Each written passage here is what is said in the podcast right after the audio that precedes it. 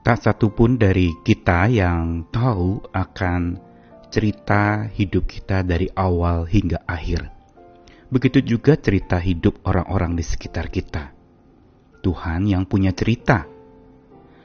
Kalau kita pernah mendengar sebuah sebutan atau permainan kata history, sejarah dalam bahasa Inggris, orang sering kali menyebutkan history is his story. Sejarah adalah cerita dia, cerita Tuhan. History is God story. Begitu juga kisah-kisah hidup kita sesungguhnya ada di dalam catatan kehidupan sang pemilik hidup kita, yaitu Tuhan kita.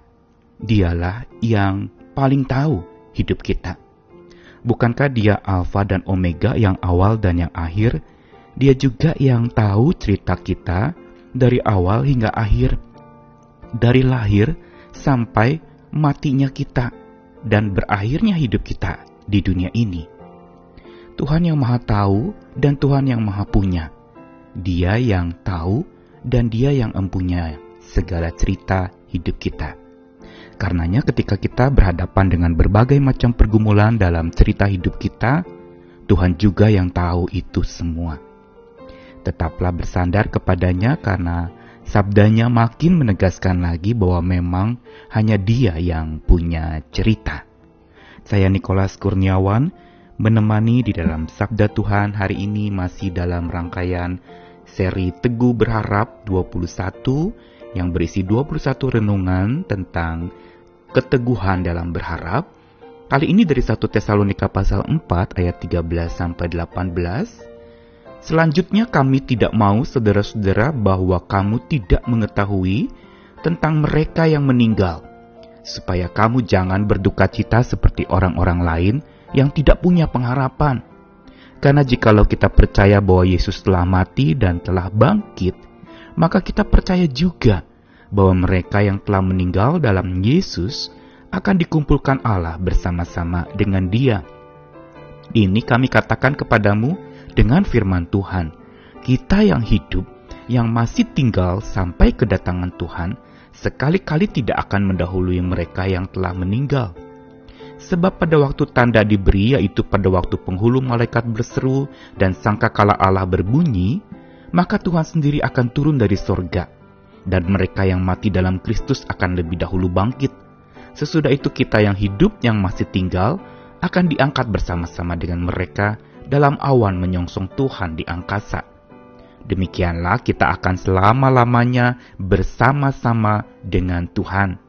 Karena itu hiburkanlah seorang akan yang lain dengan perkataan-perkataan ini.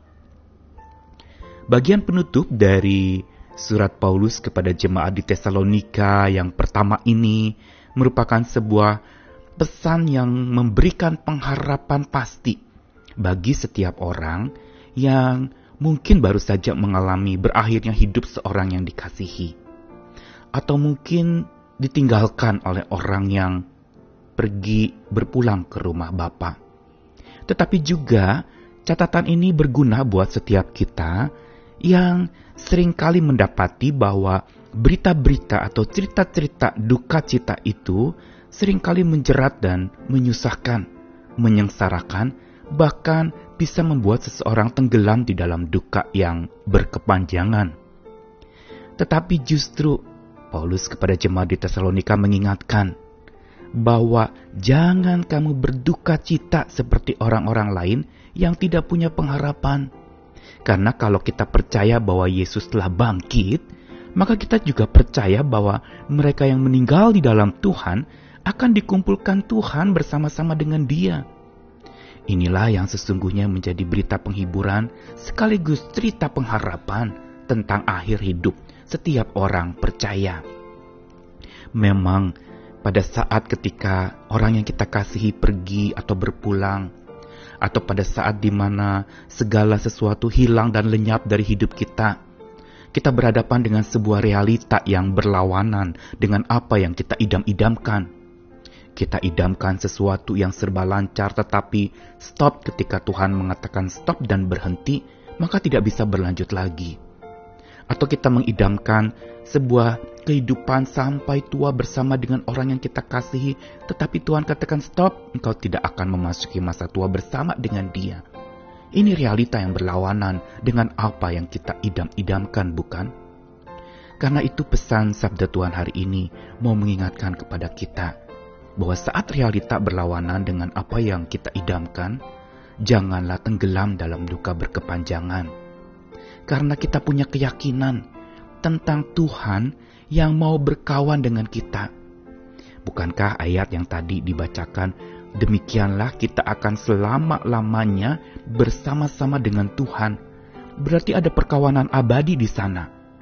Walaupun realita berlawanan dengan apa yang kita idamkan, maka sesungguhnya Tuhan selalu mau berkawan dengan kita, selama-lamanya bersama-sama dengan Dia.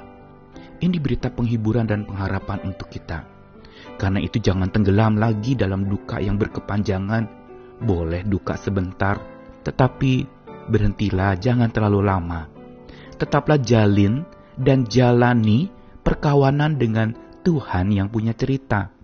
Ini jauh lebih penting daripada kita larut di dalam duka yang mendalam sampai kita merasa hidup tidak berpengharapan lagi. Sampai kita merasa bahwa itu adalah akhir dari kisah indah dalam hidup kita.